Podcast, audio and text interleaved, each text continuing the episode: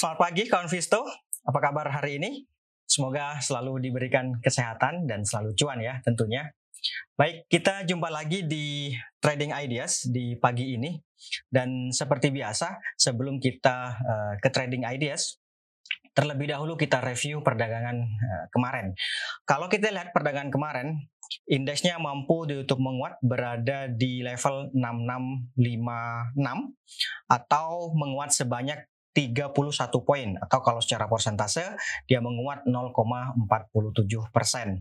Memang praktis sejak awal perdagangan hingga akhir sesi itu uh, indeksnya berada pada teritori positif. Tetapi sebenarnya meskipun indeks ini menguat karena di awal perdagangan dia mampu uh, apa namanya menguat lebih tinggi, jadi kecenderungannya sebenarnya masih cenderung uh, melemah gitu ya. Nah, kemudian saham apa saja yang membawa indeks menguat di perdagangan kemarin? Yang pertama ada saham Bank BRI, kemudian ada ASII, lalu MTEK, kemudian ada KLBF, dan terakhir ada Arto. Itu lima besar saham yang membawa indeks menguat. Kemudian lima besar saham yang menghambat laju penguatan indeks itu ada saham Buka, kemudian ada saham TPIA, ada Masa, Bank BNI, lalu yang terakhir ada Semen Indonesia atau Semen Gresik eh, atau SMGR gitu ya. Itu lima besar yang menghambat uh, laju penguatan indeks. Kemudian bagaimana dengan transaksi asing? Di perdagangan kemarin asing sendiri mencatatkan net buy sebanyak 773 bio. Ini sangat banyak, cukup banyak ya memang. Kemudian kalau dirinci itu di pasar reguler asing sendiri mencatatkan net buy sebanyak 746 bio, sementara di pasar non reguler atau di pasar nego asing mencatatkan net buy sebanyak 26.9 uh, bio. Apa saja saham yang banyak dibeli oleh asing di perdagangan kemarin? Yang pertama ada Bank BCA, kemudian ada BRI, lalu Pegas, kemudian Kalbe Farma, dan terakhir ada ICBP. Itu lima besar saham yang banyak dibeli oleh asing di perdagangan kemarin. Kemudian lima besar yang banyak dijual oleh asing di perdagangan kemarin itu ada saham Buka, kemudian ada saham Friend, ada BBYB, ada Excel, lalu ada eh, ITMG. Itu lima besar saham yang banyak dijual oleh asing di perdagangan kemarin. Bagaimana dengan outlook hari ini? Ya, kalau kita lihat di sini ya, memang indeksnya mampu ditutup menguat di perdagangan kemarin, tetapi sebenarnya dia masih melanjutkan konsolidasi yang terjadi selama lebih dari sepekan terakhir. Dan saya pikir hari ini juga akan kembali dia akan melanjutkan konsolidasinya karena tampaknya belum ada sentimen positif yang yang mampu membawa indeks menguat lebih tinggi atau uh, setidaknya tergambar dari volumenya yang uh, apa namanya meskipun dia menguat tetapi volumenya cenderung lebih lemah dibandingkan dengan perdagangan sebelumnya gitu. Nah, In, rank pergerakan diperkirakan antara masih sama yaitu di 6580 sampai dengan uh, eh, 6690 dengan kecenderungan menguat terbatas bisa saja memang di awal misalnya dibuka melemah gitu misalnya ya. Kemudian seiring dengan berjalannya waktu dia bisa di uh, bisa ditutup melemah tipis atau bahkan menguat tipis gitu ya. Yang jelas kecenderungannya ada peluang untuk cenderung menguat gitu. Oke, itu untuk indeksnya. Kemudian ide trading Oh ya, barangkali ada yang ingin didiskusikan ide tradingnya boleh disampaikan karena ini delay takutnya nggak kebaca nanti. Baik, yang pertama ada RALS. Oke, Nah, ini saya pikir cukup menarik, Rals. Kalau kita lihat di sini, dia kemarin mampu ditutup menguat dan tampaknya juga mencoba untuk bertahan di atas EMA 20 ini. Dan ini memberikan peluang untuk melanjutkan penguatannya. Terlebih lagi, uh, candle yang muncul adalah white closing Morobozu. In, artinya, ada dorongan beli yang terjadi sampai dengan akhir uh, perdagangan. Coba kalau kita lihat uh, lebih lanjut, mudah-mudahan kelihatan ini kemarin juga dia tampaknya mencoba untuk bertahan di atas support level ini 735 ini. Kemudian kalau kita lihat juga stokastiknya ada peluang untuk uh, atau indikasi untuk mengalami bullish crossover. Jadi ini memberikan peluang untuk melanjutkan penguatannya, boleh dipertimbangkan untuk spekulatif buy, saya pikir boleh. Uh, bisa di 750 sampai dengan 765 di level-level itu. Kemudian Target take profitnya ada di 800 sampai dengan uh, eh, 820 gitu ya. Di, di sini kawan, 820 di sini. gitu 800 di ya di sini nanti uh, stop lossnya itu bisa dipertimbangkan kalau harga melemah sampai di bawah uh, 735 di bawah sini gitu oke itu untuk uh, ralsnya kemudian berikutnya ada lagi agro. Agro. Oke. Ini dia agro. Ya. Agro di perdagangan kemarin juga mampu ditutup menguat dan tampaknya harga masih mencoba untuk bergerak di atas ini kawan, di atas EMA 50 dan saya pikir ada peluang untuk uh, melanjutkan penguatannya atau penguatan yang terjadi di perdagangan kemarin itu bergerak di atas 2060 ada peluang mengalami bullish continuation gitu ya.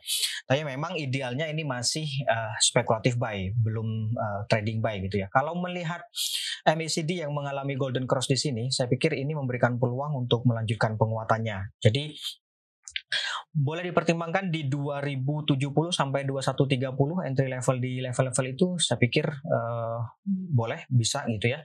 Kemudian target take profitnya ada di 2230 di sini kawan. 2230 sampai dengan 2280. Ya di kisaran sinilah gitu ya.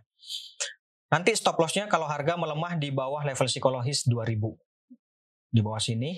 Kalau dapat harga di 2070 ya saya pikir uh, di bawah 2000 bisa dipertimbangkan untuk uh, stop loss gitu ya. Tapi kalau misalnya bisa juga buy on weakness. Misalnya kalau mau buy on weakness ya di 2050 sampai dengan 2100 saya pikir masih boleh di level-level itu.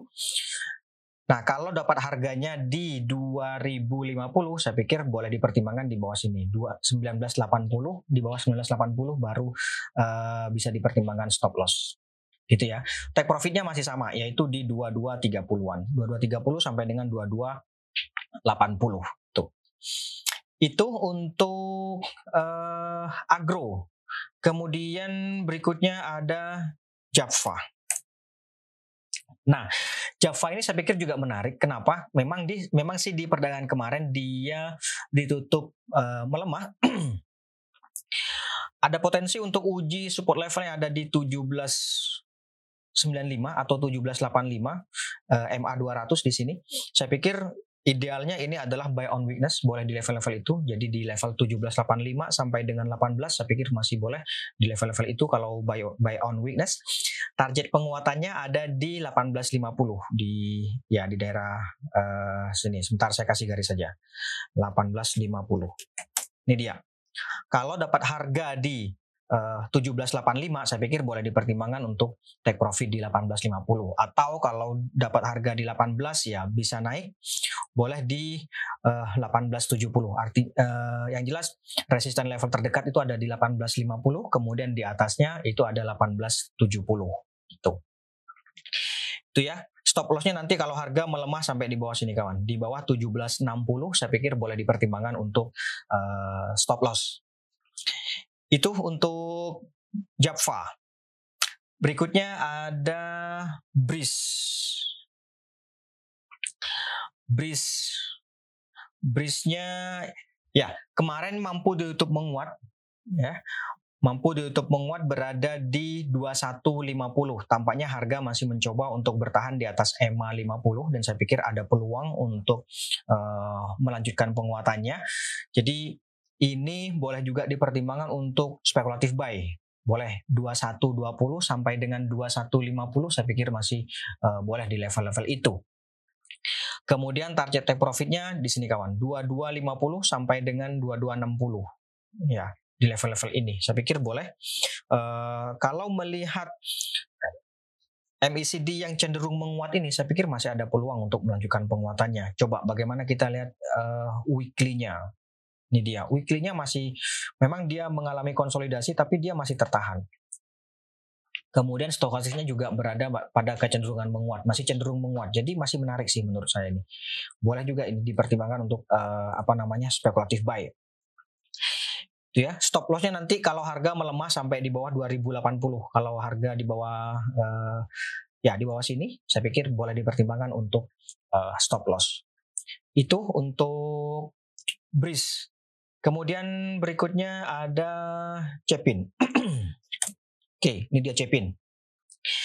Ya, Cepin mampu di, mampu ditutup menguat di perdagangan kemarin, walaupun sebenarnya dia mengalami mengalami uh, doji star ya. Kalau dilihat di sini kan dia mengalami doji star atau secara keseluruhan dua candle terakhir ini dia mengalami bullish harami cross gitu ya.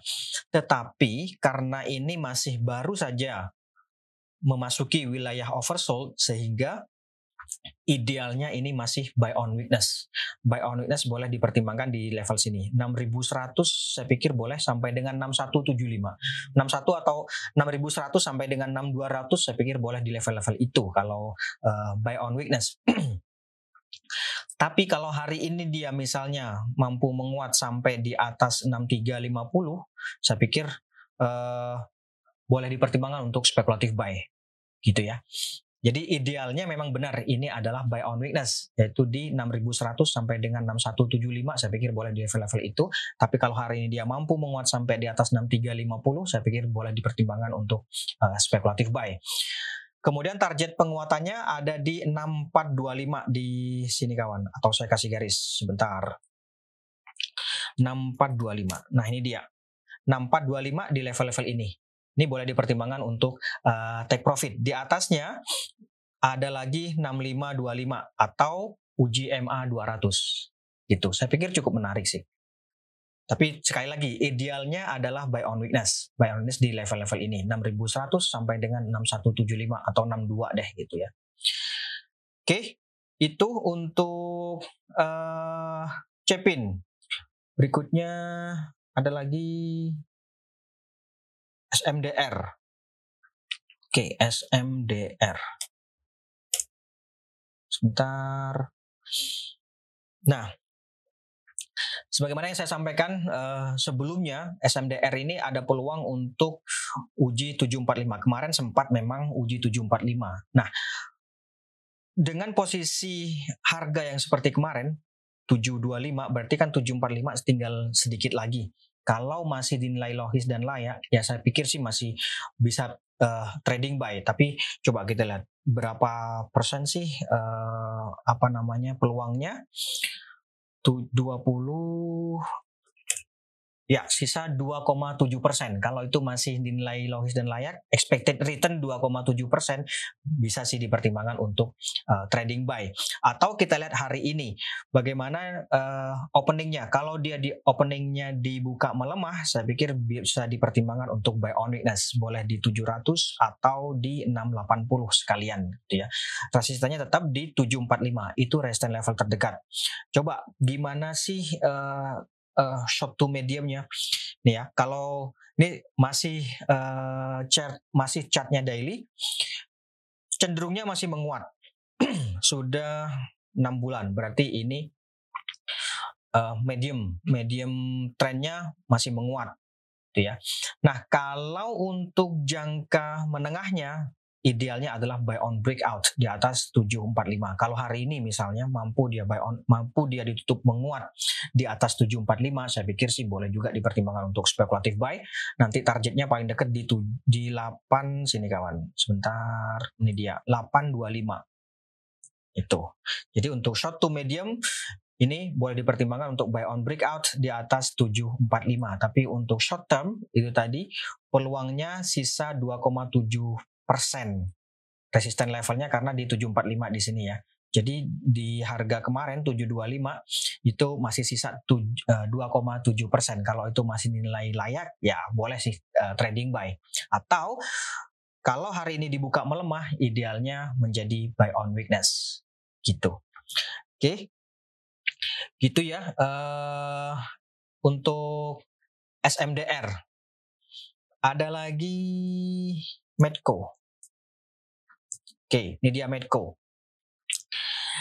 Ya, Medco kalau melihat memang kemarin dia mampu ditutup menguat di 600 gitu ya. Tetapi sebenarnya dia belum mampu untuk bergerak di atas MA 200 yaitu di 610. Jadi idealnya ini adalah buy on breakout. Ya, buy on breakout boleh dipertimbangkan di atas 610. Nah, menariknya stokastiknya di sini ada indikasi bullish crossover gitu ya. Dan saya pikir dalam jangka pendek ada peluang untuk melanjutkan penguatannya. Tetapi sekali lagi ada dua hal yang menghambat dia untuk melanjutkan penguatan. Pertama adalah dia belum mampu di atas MA 200, kemudian di sini MACD-nya cenderung melemah. Jadi ini idealnya buy on weakness gitu ya. Meskipun oh, ini stokastiknya ada ada indikasi untuk bullish crossover, tapi uh, uh, indikasi indikator yang lainnya menunjukkan adanya potensi pelemahan. Jadi idealnya ini masih buy on weakness. Boleh dipertimbangkan di 580 atau bahkan di 550 di sini kawan. Gitu idealnya memang di 5, 560 ini di sini. Ini uji EMA uh, 50 gitu ya. Bagaimana dengan short to mediumnya? Kalau untuk short to mediumnya masih sama juga. Jadi buy on weakness ada potensi mengalami uh, koreksi jangka pendek gitu ya. Oke, itu untuk Medco. Kemudian berikutnya ada Elsa. Ya, kita lihat bagaimana weekly-nya. Nah, ini weekly-nya juga sama. Kurang lebih dia belum mampu untuk melewati MA 200. Jadi bagi yang tertarik ke Elsa, ini ada dua. Yang pertama kita tunggu di bawah yaitu buy on witness boleh di bawah 300 ya di 298 sampai dengan 280-an di situ uh, apa namanya buy on witnessnya. Atau buy on breakout nanti di atas ini di atas MA 200 yaitu di atas 340-an coba kita lihat ya Paling nggak di sini deh. Karena resisten levelnya kan di sini nih. 340. Itu ya. Atau kalau hari ini dia mampu menguat di atas 324 nih ya. Kalau hari ini dia mampu menguat di atas 324 deh, boleh spekulatif buy, tapi hanya spekulatif buy ya. Targetnya itu di 330. Jadi kalau dapat harga nanti di atas 30 324 atau di atasnya boleh dipertimbangkan uh, targetnya di 330 Kemudian berikutnya ada 336 paling dekat, lalu 342. Di situ kawan. Gitu ya. Itu untuk uh, Elsa. Ada lagi Era. Oke, ini era dia. Kemarin mampu ditutup menguat, sempat bergerak menguat di 635, hanya saja kemudian uh, ditutup bertahan atau berada di 620. Dia mencoba untuk bertahan di atas EMA 20. Jadi ini idealnya adalah buy on weakness. Buy on weakness bisa dipertimbangkan di 600 sampai dengan 610 saya pikir boleh di level-level itu. Kemudian target take profitnya kalau dapat harga di 600 saya pikir boleh di 640 di atasnya ada 655, kemudian di atasnya lagi ada sini kawan, 670 gitu ya. Kalau dapat harga di katakanlah kemarin masuk di 620 atau 630, boleh uh, coba pasang jual di 655 sampai dengan 670. Itu saya pikir ada lagi ada lagi ASII. Oke. Nah, nih ya, ASII kalau kita lihat ada potensi untuk mengalami koreksi jangka pendek. Sebentar, ini sebagaimana saya sampaikan sebelumnya ya. Ini kan dia mengalami divergent. Dia uh, cenderung melemah stokastiknya, kemudian harganya dia tapi uh, mengalami higher high. Jadi ada divergent. Ini potensi untuk mengalami koreksi jangka pendek. Idealnya tentu ini adalah buy on weakness. Buy on weaknessnya di berapa? Supportnya yang kuat itu di sini kawan, di 5675 itu ya. 5675 itu support kuatnya. Kemudian terdekatnya itu di 6000. Tapi kalau hari ini dia mampu menguat sampai di atas 6250, kalau hari ini dia mampu menguat di atas 6250, maka boleh dipertimbangkan untuk spekulatif buy atau trading buy. Targetnya nanti di 6400 sampai dengan 6500 itu uh, apa namanya jangka pendeknya gitu ya. Tapi sekali lagi kalau kita bicara ideal maka ini idealnya adalah buy on weakness. Itu dan BRI BRI, oke. Okay. Ini dia BRI, kurang lebih sama juga. BRI ada potensi untuk mengalami koreksi trennya gitu ya. Kemarin memang mampu ditutup menguat, dia sampai uji uh, resist terdekat yaitu di 4350. Jadi penguatan di atas 4350 ini saya pikir akan memberikan peluang menuju level berikutnya yaitu di 4400. Nah, saran saya kalau tertarik dengan BRI boleh dipertimbangkan buy on breakout di atas 4370. Kalau hari ini dia menguat sampai di atas 4370 boleh dipertimbangkan untuk uh, ikutan spekulatif buy atau trading buy. Target take profitnya ada di sini 4450 itu ya. Paling dekat itu 4450. Nanti stop lossnya tentu di bawah ini, di bawah 4270 gitu. Tapi kalau bicara ideal, ini tentu idealnya masih buy on weakness yaitu di level 4200 di level-level sini kawan, yaitu uji EMA uh, 20 sampai dengan uji MA 200 itu ada di 4090. Jadi kenapa saya uh, bilang ini ada potensi untuk mengalami koreksi karena gini, penguatan yang terjadi setelah dia bergerak di atas MA 200 ini ada potensi mengalami throwback istilahnya gitu ya. Throwback diperkirakan dapat uh, menguji sampai dengan 4200. Yang kemarin terjadi dia mencoba untuk bertahan di atas 4250 ini, which is itu bagus sih. Tapi apakah dia mampu uh, melewati 4370 atau mengalami uh, apa namanya bullish continuation? Saya pikir uh, kalau melihat indikator stokastik, MACD dan RSI-nya ini saya pikir masih ada potensi untuk mengalami koreksi uh, jangka pendek sehingga idealnya sekali lagi ini adalah buy on weakness itu untuk short to medium. Bagaimana untuk short, uh, eh sorry itu untuk short term. Bagaimana dengan uh, short to medium? Saya pikir kalau short to medium masih masih masih ada peluang untuk menguat sih. Ini dia uh, MACD-nya malah masih cenderung uh, menguat gitu ya. Jadi untuk view-nya jika short to medium saya pikir boleh spekulatif buy atau uh, trading buy.